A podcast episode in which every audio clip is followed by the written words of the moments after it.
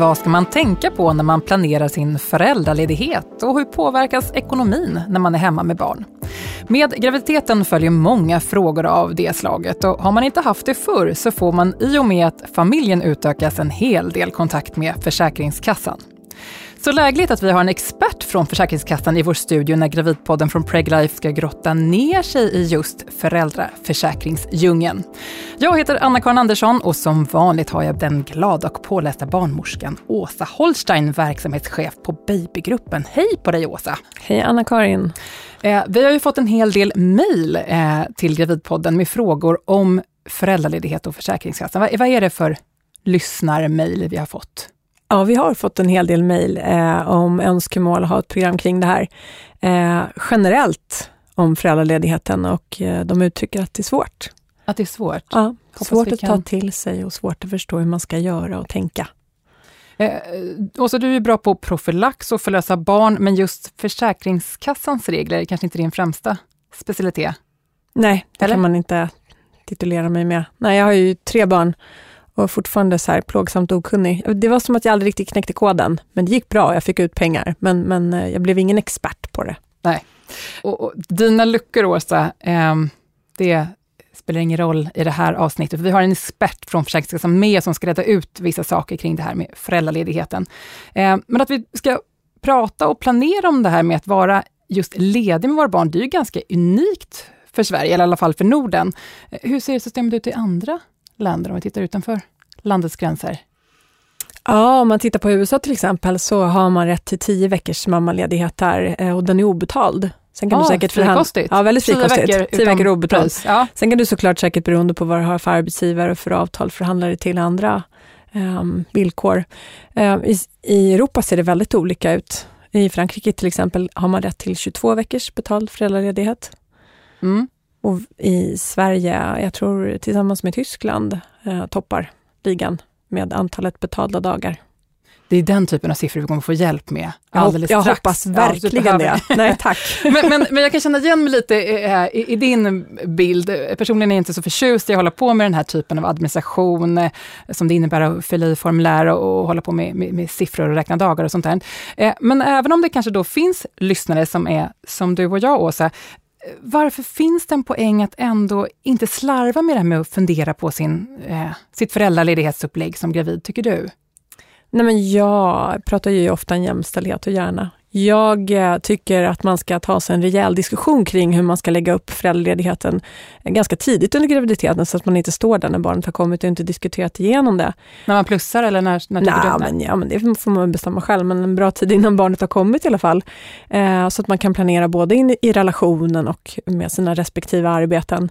För det visar sig ju i studier att ju mer man delar på föräldraledigheten, desto större är sannolikheten att man fortsätter hålla ihop de här första två tuffa åren.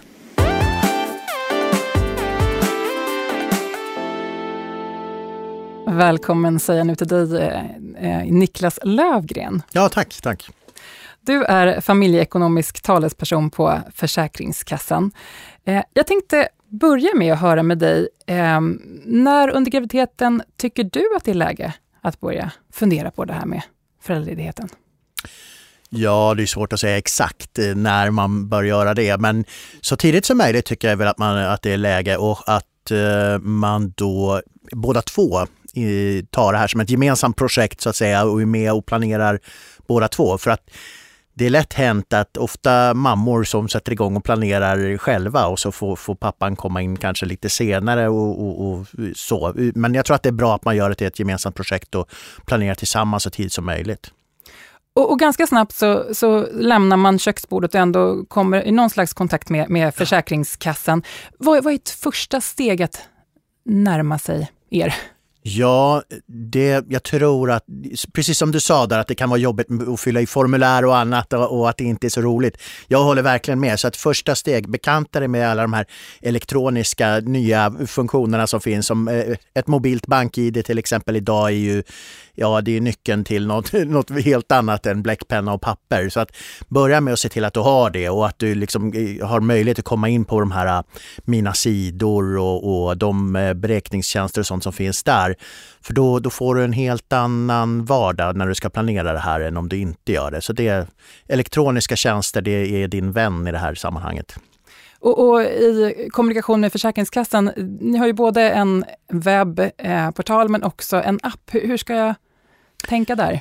Ja, appen är ju bra när man ska ansöka om eh, vab sen till exempel och så, men jag tror ju att eh, ja, webben, logga in på webben med din dator, det är nog det som att föredra. Mm. Där hittar du alla funktioner och så också, så det är det är rekommendera. Och om jag nu är då första gångs eh, gravid och så knappa in Försäkringskassan på datorn, vad, vad ska jag kolla ja, efter Du kan ju först. kanske inte förvänta dig att alla dina uppgifter och sånt finns där färdiga första gången du loggar in och tittar sådär. Utan eh, det gäller ju att du får moderskapsintyget, du skickar in det till oss. Vi eh, kommer då att göra en förfrågan om eh, inkomst och sådär för att kunna räkna ut vad, ja, hur, hur din föräldrapenning ska beräknas. Då. Men när, när det är klart då kan du liksom göra det i, i skarpt läge och titta vad blir det liksom på riktigt. Så att det, det tar ju alltså, man får ju inte moderskaps eh, Eh, intyget förrän i runt femte månaden någonstans där. Va? Så att då kan du ju börja använda de här tjänsterna på riktigt i skarpt läge. Men det går ju att börja liksom grovplanera från början ändå. Man tittar sådär att ja men barnet kommer komma ungefär då och då. Det innebär ju då att eh, kommer börja på förskolan ungefär vid den och den tiden, kanske i slutet på augusti nästa år eller så, eller när det nu är. Jaha, det är alltså den perioden som vi i första hand ska titta på, liksom, att vi klarar oss dit. Sen får man väl se då hur det blir efter och sådär, men det är i alla fall den perioden som man börjar med. Så att jag tror att det, det är ungefär så. Sen blir det liksom lite grovt i början så blir det kanske lite mer detalj på slutet. Så. Mm. Och då vill jag säga att moderskapsintyget, det får man, eh, om man nu lyssnar på det här eh, poddavsnittet tidigt i graviditeten, det får man utav sin barnmorska ungefär i femte månaden, ungefär runt vecka 20. Alltså det är ingenting jag behöver fundera på, det får jag Nej, genom mödravården? Nej, det får jag hos mödravården och så skickar jag in det till Försäkringskassan ja. och sen börjar det hända grejer, eller hur Niklas? Ja, ja, så funkar det precis. Det gäller ju att skicka in det direkt då, så ja. att man inte precis. väntar med det. Precis. Mm. Ligger det hemma länge så tar det längre tid innan det kommer in i dina sidor där på Försäkringskassan. Precis. Men nu har ni båda slagit ett eh, slag för att man ska börja tidigt. Eh, det finns något som heter Kassakollen och Föräldrakollen till exempel. Va, va, vad är det för någonting? Är det något Ja, kassakollen är lite sådär, det är en liten, eh, vad ska man säga, en beräkningstjänst som är, är lite grov sådär att man kan titta liksom redan innan man har barn eller innan man blir sjuk eller om man nu skulle bli sjuk och sådär. Alltså om man är lite orolig för vad händer med mig i olika situationer om jag skulle bli sjuk eller om jag liksom får ett barn och så, vad, hur mycket pengar skulle jag då få på ett ungefär? Då kan man liksom lite grovt testa det brutto sådär med den här kassakollen.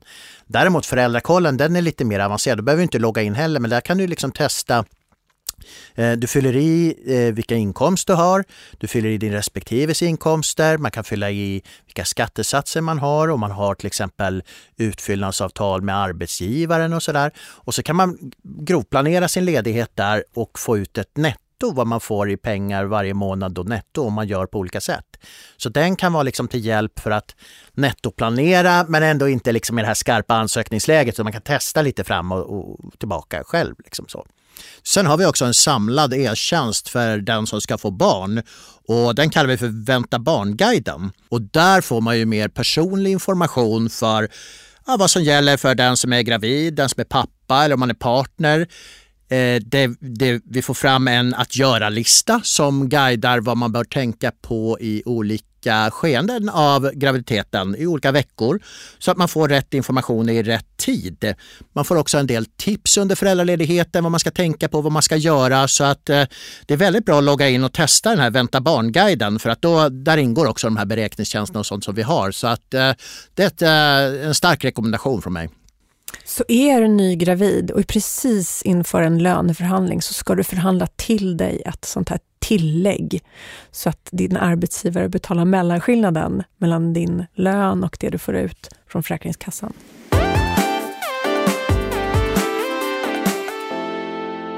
Niklas, de som har eh, skickat mejl till Gravidpodden och som uttrycker att, eh, att det är svårt att eh, komma i kontakt med Försäkringskassan och förstå det här med föräldraledigheten. Vad tror du de tänker på? Vad är, vad är det som de tycker är svårt, tror du? Ja, dels eh, kan det vara svårt, det har varit svårt att komma fram i telefon till oss förut. Så det är en sån där sak som folk irriterar sig på faktiskt. Det har blivit bättre nu ska jag säga, så att det, det är vi lite glada för. Men det är fortfarande inte helt hundra ska jag säga på den punkten, men det är, det är förbättringsområde.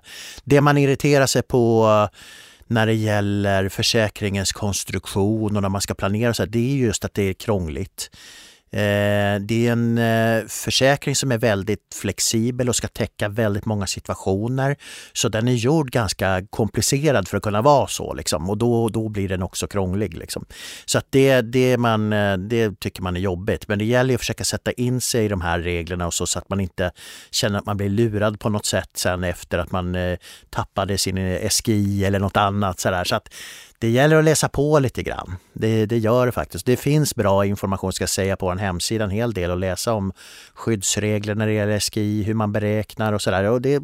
ja, jag tycker nog att man ska göra det faktiskt. Så lite grann ta tjuren vid hornen, det har du nytta av? Ja, det har man faktiskt. Det är lite jobbigt men det lönar sig att ja. hålla kollen. Precis. Eh, om vi då eh, hoppar fram lite då till det här moderskapsintyget som vi varit inne på, när man väl har fått det då från mödravården. Eh, vad händer efter att det har skickats in? Ja, när det har skickats in och kommit in till Försäkringskassan så ska man inte bara sitta och vänta utan det man gör är att man går till sin arbetsgivare om man är anställd och ber arbetsgivaren logga in på Försäkringskassans hemsida också och registrera den inkomst man har där. På så sätt så ökar chanserna för att man ska få rätt ersättning i rätt tid. Men att ta ut föräldradagar innan barnet har fötts, det ska inte blandas ihop med det här som kallas graviditetspenning, eller hur? Nej, det ska du inte göra. Det, det, finns ju, alltså, det finns ju olika situationer. En del tar ut föräldrapenningdagar före, det kan man ju göra. En del blir ju faktiskt sjukskrivna eh, en del före, eh, så, så, så, kan det ju bli. Och en del eh, får graviditetspenning. Så det är lite olika vad, hur det kan vara där i slutet på graviditeten. Men graviditetspenning det ger ju rätt under de två sista månaderna då att eh, kunna få vara hemma med 80 procent av lönen om det är så att ja, du har risker i arbetsmiljön, du har tunga lyft eller liknande. Men då gäller det ju också att eh, arbetsgivaren måste först också kolla om det går att ge dig andra arbetsuppgifter istället för de som eh, eh, som du normalt har och går inte det, ja då, då kan du få det här. Men då, då ska du också beskriva går inte att skicka in bara så här, säga, jag, hej, jag är frisör så därför så borde jag få eller så här, utan man måste liksom beskriva vad man har för arbetsuppgifter och vad är det för tunga lyft och sådär. Så att det är lite sånt som man behöver intyga då, men det är alltså nästan 25 000 kvinnor eh, per år som får det utav och då föds det lite över 100 000 barn varje år så att det är en hel del som får det i alla fall. Men Niklas, då undrar jag, är det många som tar ut föräldrapenning innan barnet är fött? Ja, många skulle inte säga att det är, men, men det är alltså, jag brukar säga att eh, ja, en fjärdedel ungefär tar ut någon föräldrapenning före i alla fall. Mm, mm. Så, så pass är det i alla fall. Men eh, det är inte för alla de där dagarna utan det är lite, ja, ett fåtal dagar ska jag säga. Okay. Ja. Eh, den övriga större andelen då som, som tar ut sin föräldraledighet efter det att barnet eh, väl är fött, eh, hur snabbt eh, efter förlossningen ska jag ta kontakt med Försäkringskassan?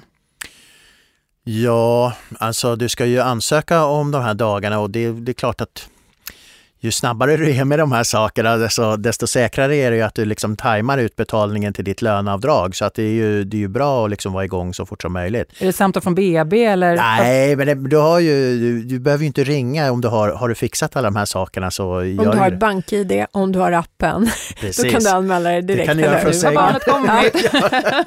nu är färdigkristat, nu kör vi. men, men anmälan funkar ju som ja, när man skickar in moderskapsintyget så fungerar det som en första anmälan för mamman när hon ska vara föräldraledig från start. Och sen så kan man ansöka om ersättning framåt i tiden eller efter man har varit hemma så kan man ansöka om ersättning för de dagar som, ja, som man har varit hemma för och som man vill ha ersättning för. Sen har vi de här eh, de tio så kallade pappadagarna som man har talat om. De heter ju inte pappadagar längre utan de heter tio dagar i samband med barns födelse. Så det är väl mer korrekta benämningen på de dagarna. Eh, inte och, partnerdagar utan särskilda nej, dagar? Ja, och det beror ju på, det behöver inte vara, alltså, det kan ju vara så att eh, det finns ingen respektive längre med i bilden och sådär och då kan ju kanske en nära släkting eller någonting få de där dagarna istället. Eh, Jaha, så att, ja, alltså, det går bra. att få att överlåta dem till, till någon annan i sånt fall om, om det liksom är fallet. Måste man vara släkt? Kan det vara en kompis? Det kan nog vara kompis också ja. Mm. Så att det där kan man, du får kolla med oss vilka som godkänns men jag tror att de flesta gör det faktiskt i, i det fallet som man vill ha med sig då. Ja och särskilda dagar är det ju hur som, tio första dagarna. Särskilda dagar oaktat ja. Det är ju, ja, väldigt det är särskilt. Väldigt särskilt. Ja. men väldigt särskilt. men man ska komma ihåg att den då som skulle vilja använda de dagarna då, i första hand är det, ju, är det ju pappan i det här fallet då, eller den andra föräldern så att säga som, som ligger bäst till för att få använda dem. Men, men det går ju att som sagt att avstå dem till någon annan om man vill då. Men den måste ju då ha avstått från något jobb eller så för att, för att kunna få någon ersättning. Så är det liksom en, en mamma som är pensionerad eller sådär så, så, så går ju inte det för då får de behålla Är det sjukskriven eller arbetslös? Det går inte heller. Det ska vara någon eh, i aktivt nej, yrkesarbete. Ja, mm. precis. Mm. Så att, eh, en, en, pensionär till exempel får ju behålla sin pension då istället. Liksom. Men, men, ja. Eh, jag tänker gå in lite mer på de här eh, övergripande planeringen nu av dagarna som vi mm. har till vårt förfogande som föräldrar. Hur lång tid rör det sig om? Hur många dagar ska vi planera, Niklas? Ja, alltså man har ju totalt 480 dagar per barn som man får. Eh, varav 390 av dem är inkomstrelaterade som relateras alltså till ungefär 80 procent av den inkomst man har.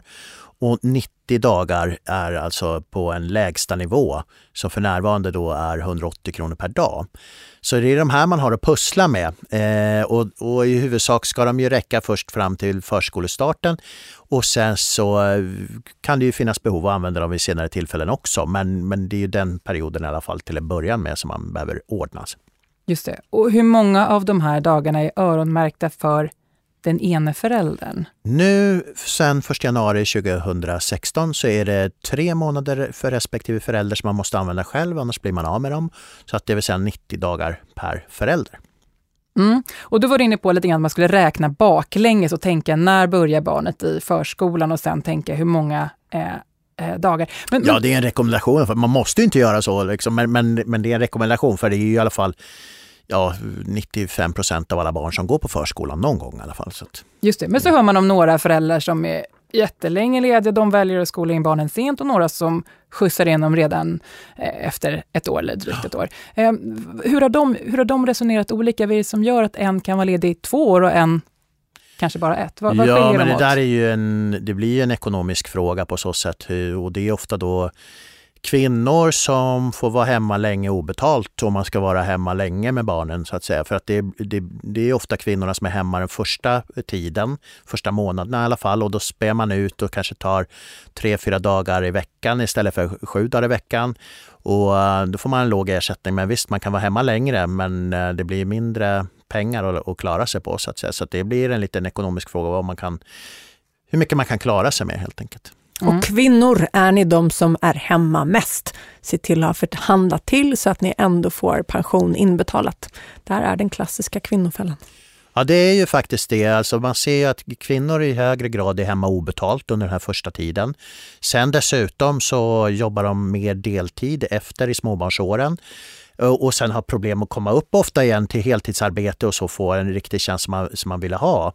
Eh, så att då blir också pensionen lidande på slutet. Så att där är liksom, det ska man, om man nu väljer att göra så, ska man veta i alla fall att det får ekonomiska konsekvenser. Mm. Eh, man får ju spara dagar ända upp till det att barnet blir eh, 12 år.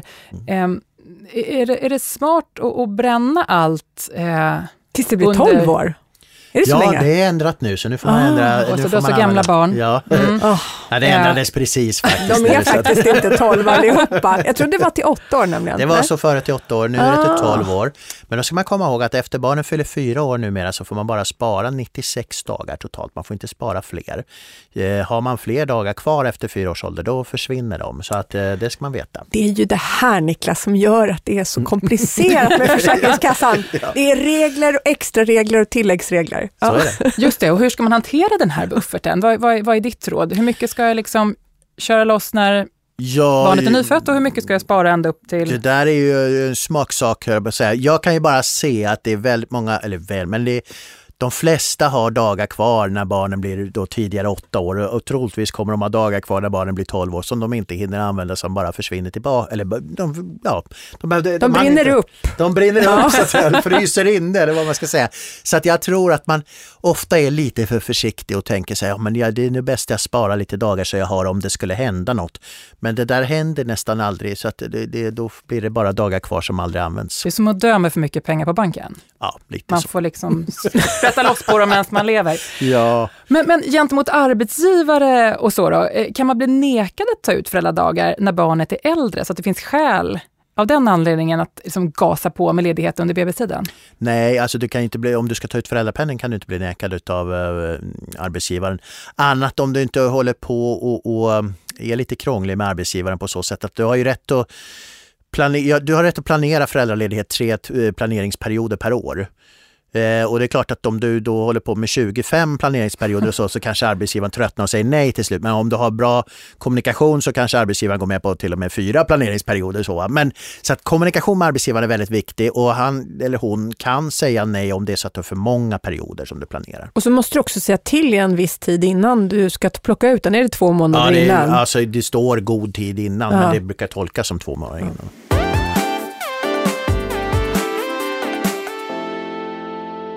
Mm, vi går in på ytterligare lite pengaprat här nu. Eh, för mycket handlar ju om ekonomi eh, när man pratar föräldraledighet. Eh, man brukar säga att 80 procent, om du var inne på eh, Niklas, av lönen. Men det är också lite klurigt det där. Hur, hur, hur ska man räkna? Ja, man ska komma ihåg att för, för, att få då ungefär 80 procent, i, i, realiteten är det faktiskt eh, 77,6 procent ska jag säga, men, men för, att, för att få dem så måste man ta ut sju dagar i veckan. Annars så blir det inte så. Eh, så att om du tar ut eh, fem dagar i veckan eller fyra eller så där, då är du nere på nästan halva. Sådär, va? Så att, eh, för att få full ersättning upp till ungefär 80 procent så är det sju dagar i veckan som gäller. Så att det är kalenderdagsberäknat helt enkelt. Och det är inte 80 procent eller 77,6 procent ja. heller av vilken lön som helst. Det finns ett maxtak för hur ja, mycket... Ja, det gör det ju. Det är ju alltså eh, inkomster då upp till motsvarande 10 prisbasbelopp som är fullt ut försäkrade. Det motsvarar... Där var du med Åsa, där var du med. Kan du översätta det tack Åsa? ja, men alltså så här, alltså, det är alltså ett prisbasbelopp är idag, det bestäms av regeringen varje år hur mycket, mycket de är. Och i år, 2019, så är ett sånt prisbasbelopp 46 500 har man bestämt. Det innebär ju att eh, inkomster upp till 465 000 kronor är fullt ut försäkrade. Så där får man alltså 80 procent av sin lön. Har man inkomster över det, den delen av inkomsten är alltså inte försäkrade då. Prisbasbeloppen brukar oftast öka men de kan minska också så det är viktigt att man tittar år för år hur, hur högt ersättningstaket är för det förändras. Men sen om det är som, som jag då som jobbar för staten, jag får ju då eh, har jag avtal med arbetsgivaren inom eh, kollektivavtalet så att jag får 90 procent av min lön och jag har inget sånt här ersättningstak utan resten av det där det betalar staten till mig då i utfyllnadsavtalet. Och de flesta har sådana här avtal ska jag säga, och, men de kan vara Ofta är det 90 procent som man, som man får, men de kan vara lite olika långa perioder så att en del har kanske bara tre månader man får sådana här utfyllnad, sen får man inget mer. Och en del har för hela perioden och en del har för halva. Och så, där. så att man ska kolla med arbetsgivaren, hur generöst är vårt avtal, hur ser det ut? Just det, för det är också många privata arbetsgivare som har liknande förmåner till sina ja, anställda. Ja, så är det. Man ska komma ihåg också inom föräldrapenningen så är också det här ersättningstaket det är högre inom föräldrapenningen än alla andra dagersättningar, alltså som sjukpenning eller tillfällig föräldrapenning. Och så där. Det är lite högre här. Och det är just därför att där tänkte man en gång att eh, ja, ofta så tjänar papporna mer pengar än mammorna och då, då har de det som argument att de kan inte vara hemma för att förlora för mycket pengar för de har inkomster över det här taket. Så då höjde man det här taket för att vara högre än de andra eh, försäkringarna. Så att Jag har alltid trott att det berodde på att man skulle ha råd att köpa latte. Lattemorsorna. Ja. men, men eh, när får jag ut mina pengar då från Försäkringskassan? Givet att jag har Ja, det finns ju, Gjort nu har jag inte de datumen riktigt i huvudet. Det finns tre utbetalningsdatum. Jag tror att det är 25, 26, 27 varje månad. Och beroende på eh, när barnet är fött under månaden så får man eh, utbetalt då eh, inom respektive datum. Så där är det faktiskt väldigt bra. Jag hamnade i något glapp. Mm. Det är bra en buffert. Alltså en liten ekonomisk buffert. om det är så att man hamnar i det där glappet så man får pengarna först månaden efter. Ah, du tänker på ja, det? Ja, så ja, tänker jag. Alltså när, ah, innan du har kommit in i första betalnings... Mm. Ja, precis, för det riskerar att komma i månaden efter. Eller hur, för ibland kan det bli liksom sex veckor från du anmält tills du får det. Visst kan det vara så? Man kan ja. dricka vanligt bryggkaffe också, man behöver inte köpa latten. Du får också lära kan dig dricka silverte också om det behövs. av med så mycket pengar. Ja. Eh, men, men eh, du nämnde SGI eh, så här i förbifarten, ja. det är ju ett eh, begrepp som, eh, som blir väldigt så vedertaget efter ett tag när man mm. haft kontakt. Vad är det egentligen? SGI det heter alltså sjukpenninggrundande inkomst och det är för att man ska, man ska räkna ut vad du har för inkomst för att kunna då basera ersättningen på den liksom och se hur, hur mycket ska du ha 80 procent utav så att säga. Och eh, det är alltså den summan då, det blir oftast det är din månadslön gånger 12 och så är det liksom det, din, det som är din SGI, så att säga. Det är det vanliga. Eh, och då är det en regel som kan vara bra att hålla koll på, det är den här ettårsgränsen. Vad är det som händer då efter att ett barn har fyllt ett år? Den är ju den är lite klurig den där ettårsgränsen. Men, men alltså före barnet fyller ett år, då kan du liksom spä ut och använda dagar lite hur som helst. Sådär. Men efter, efter ettårsdagen, om du då ska vara helt föräldraledig, då måste du ta ut alltså fem dagar i veckan för att skydda den här SGIn som du har. Eh, det vill säga skydda den här inkomsten som du ska liksom grunda din ersättning på. För att om du sen blir sjuk själv och inte har skyddat den här och inte tagit ut fem dagar i veckan efter barnets ettårsdag, ja då får du noll i SGI vilket innebär att då får du ingen sjukpenning. Så att därför är det väldigt viktigt att kolla in de här skyddsreglerna som finns så att du verkligen har din SGI skyddad. För annars när du blir, om du då råkar bli sjuk och så ska få någon ersättning så blir det ingen ersättning. Eller blir på smällen igen. För visst är det någon tid däremellan också? Ja, Men det är kanske något eh, annat? Ja, det, det, dock är det så att din eh, föräldrapenning kan vara alltså, skyddad längre tid än vad SGIn är. Okay. Men eh, visst, det kan ju efter ett tag bli likadant där. Mm. Och vi har varit inne på jämställdhetsaspekten. Och det förs ju fram då att männen ofta tjänar mer och att det inte är ekonomiskt möjligt för pappan eller parten, ja pappan i det här fallet, de pratar jämställdhet eh, rent könsmässigt. Eh, men, men Niklas, eh, vad, vad, finns det för system, stämmer det? Alltså, vad, vad, Ja, alltså, det är i alla fall det vanligaste argumentet som man hör sådär att varför pappor, det finns väldigt många argument för varför pappor inte kan vara hemma. Jag kan räkna upp en tiotal i alla fall olika eh, så varför det är helt omöjligt. Eh, men Eh, och där är ekonomin då eh, det vanligaste. Men det ekonomiska argumentet kanske inte är så tungt som man ofta vill, eh, vill göra gällande. För att i exempel med föräldrapar där han tjänar mest så ja, då ser man också mycket riktigt att, att hon tar ut flest föräldrapenningdagar vilket skulle tala för att ekonomin då var det tyngsta argumentet. Men när det är precis tvärtom, att, att hon tjänar mest eh, i de föräldraparen, då är det fortfarande så att, att hon tar ut flest föräldrapenningdagar. Och det talar ju lite emot det här med att ekonomin skulle vara det viktigaste för hur man fördelar föräldraledigheten mellan varandra.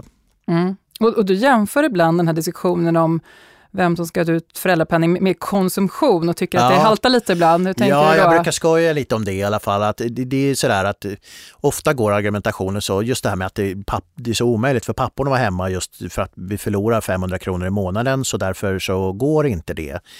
Eh, och då, då, brukar jag jämföra till exempel med en IKEA-soffa eller något liknande. Att du köper den där på IKEA och så tänker du så här att ja, jag har en avskrivningstid i alla fall på fem år på den här så jag kan ta den på mitt family-kort här och betala av den för det är ungefär så länge den ska hålla så att säga.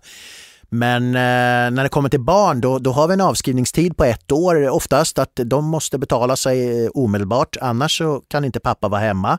Eh, och eh, det är ändå så att barnen är ju barn ett tag, alltså vi brukar säga att de är barn under 18 år i alla fall och eventuellt så, så, planerar man att ha en relation med dem lite längre än, än 18 år. Eh, och då kanske man kunde räkna på lite längre sikt i alla fall på, med ekonomin än just det här första året som man ofta säger att ja, men det, det är helt omöjligt, det går, vi förlorar 500 kronor i månaden så det går inte. Och jag tror att ofta är de här argumenten mera bortförklaringar och så för någonting helt annat. Det kan ju vara så att hon kanske vill vara hemma jättemycket, han är lite tveksam, säger ska jag, nej men då får hon vara hemma. Eller, det finns alla möjliga varianter men man tar gärna till ekonomin så där som argument tror jag. Vad är ju samhällsnormen också? Den är ju fortfarande ja. att kvinnan är hemma en större del av föräldraledigheten än, än mannen eller partnern. Mm. Men om vi släpper miniräknaren lite då eh, och tänker på de eh, biologiska aspekterna som kan påverka hur vi planerar föräldraledigheten. Eh, kvinnorna börjar ju oftast att vara lediga för att de ammar och du Åsa brukar ofta lyfta fram fördelarna med att amma. Har det betydelse tycker du? För när man ska börja jobba som kvinna så kan man börja jobba det är klart att det är, det är, mycket lättare att ha en, en helamning om du är hemma eh, i början som kvinna med barnet. Men jag har ett jättebra exempel. Jag har en bekant som heter Andreas och de fick sitt andra barn. Eh, och då bestämde de sig för att han skulle vara pappaledig direkt. De var hemma tillsammans de här tio första dagarna och sen var han pappaledig de första tre månaderna. För barnets mamma, hans sambo, eh, pluggade. Och han åkte två gånger varje dag till högskolan då hon studerade och eh, barnet ammade och sen åkte han hem igen. Och barnet helammade, hon pumpade inte och barnet fick ingen ersättning. Och de tyckte det funkade jättebra. Sen var hon hemma åtta månader och han var hemma fyra månader igen på slutet. Mm. Så, så, det går ju om man vill och enligt svensk arbetslagstiftning så har kvinnan också rätt att amma på arbetstid. Men det är klart, rent amningsmässigt så är det ju mer, det är mer lättstyrt om du som kvinna är hemma i början. Men alltså om man kan vara föräldraledig så här länge som du nu pratar om Niklas, så finns det ju, är det ju ändå jättekonstigt att det delas på så lite tycker jag. Särskilt när man tittar på amningsstatistiken. Så amningen i sig är inte ett skäl till att vara föräldraledig? Eh, Ojämnt? Ja. Nej, definitivt inte, tycker inte jag. Nej, jag, jag håller med också. Jag, jag, kollar mycket på statistik och det blir amningsstatistik också från Socialstyrelsen som, som äh, faktiskt har sån. Och eh, det ser man ju där att ja, det är ett antal som inte, där amningen inte funkar överhuvudtaget. Och sen ser man ju också att efter sex månader, så det är ju en rekommendation då, men, men eh, de flesta har då slutat att heltidsamma utan då är det mer morgon och kvällsamning, deltidsamning och så efter sex månader som är, är det vanliga. Men det är klart för de som vill heltidsamma mer än så, så, så klart, då kanske det blir svårare så. Men, men för de allra flesta har i alla fall slutat med det då enligt statistiken i alla fall.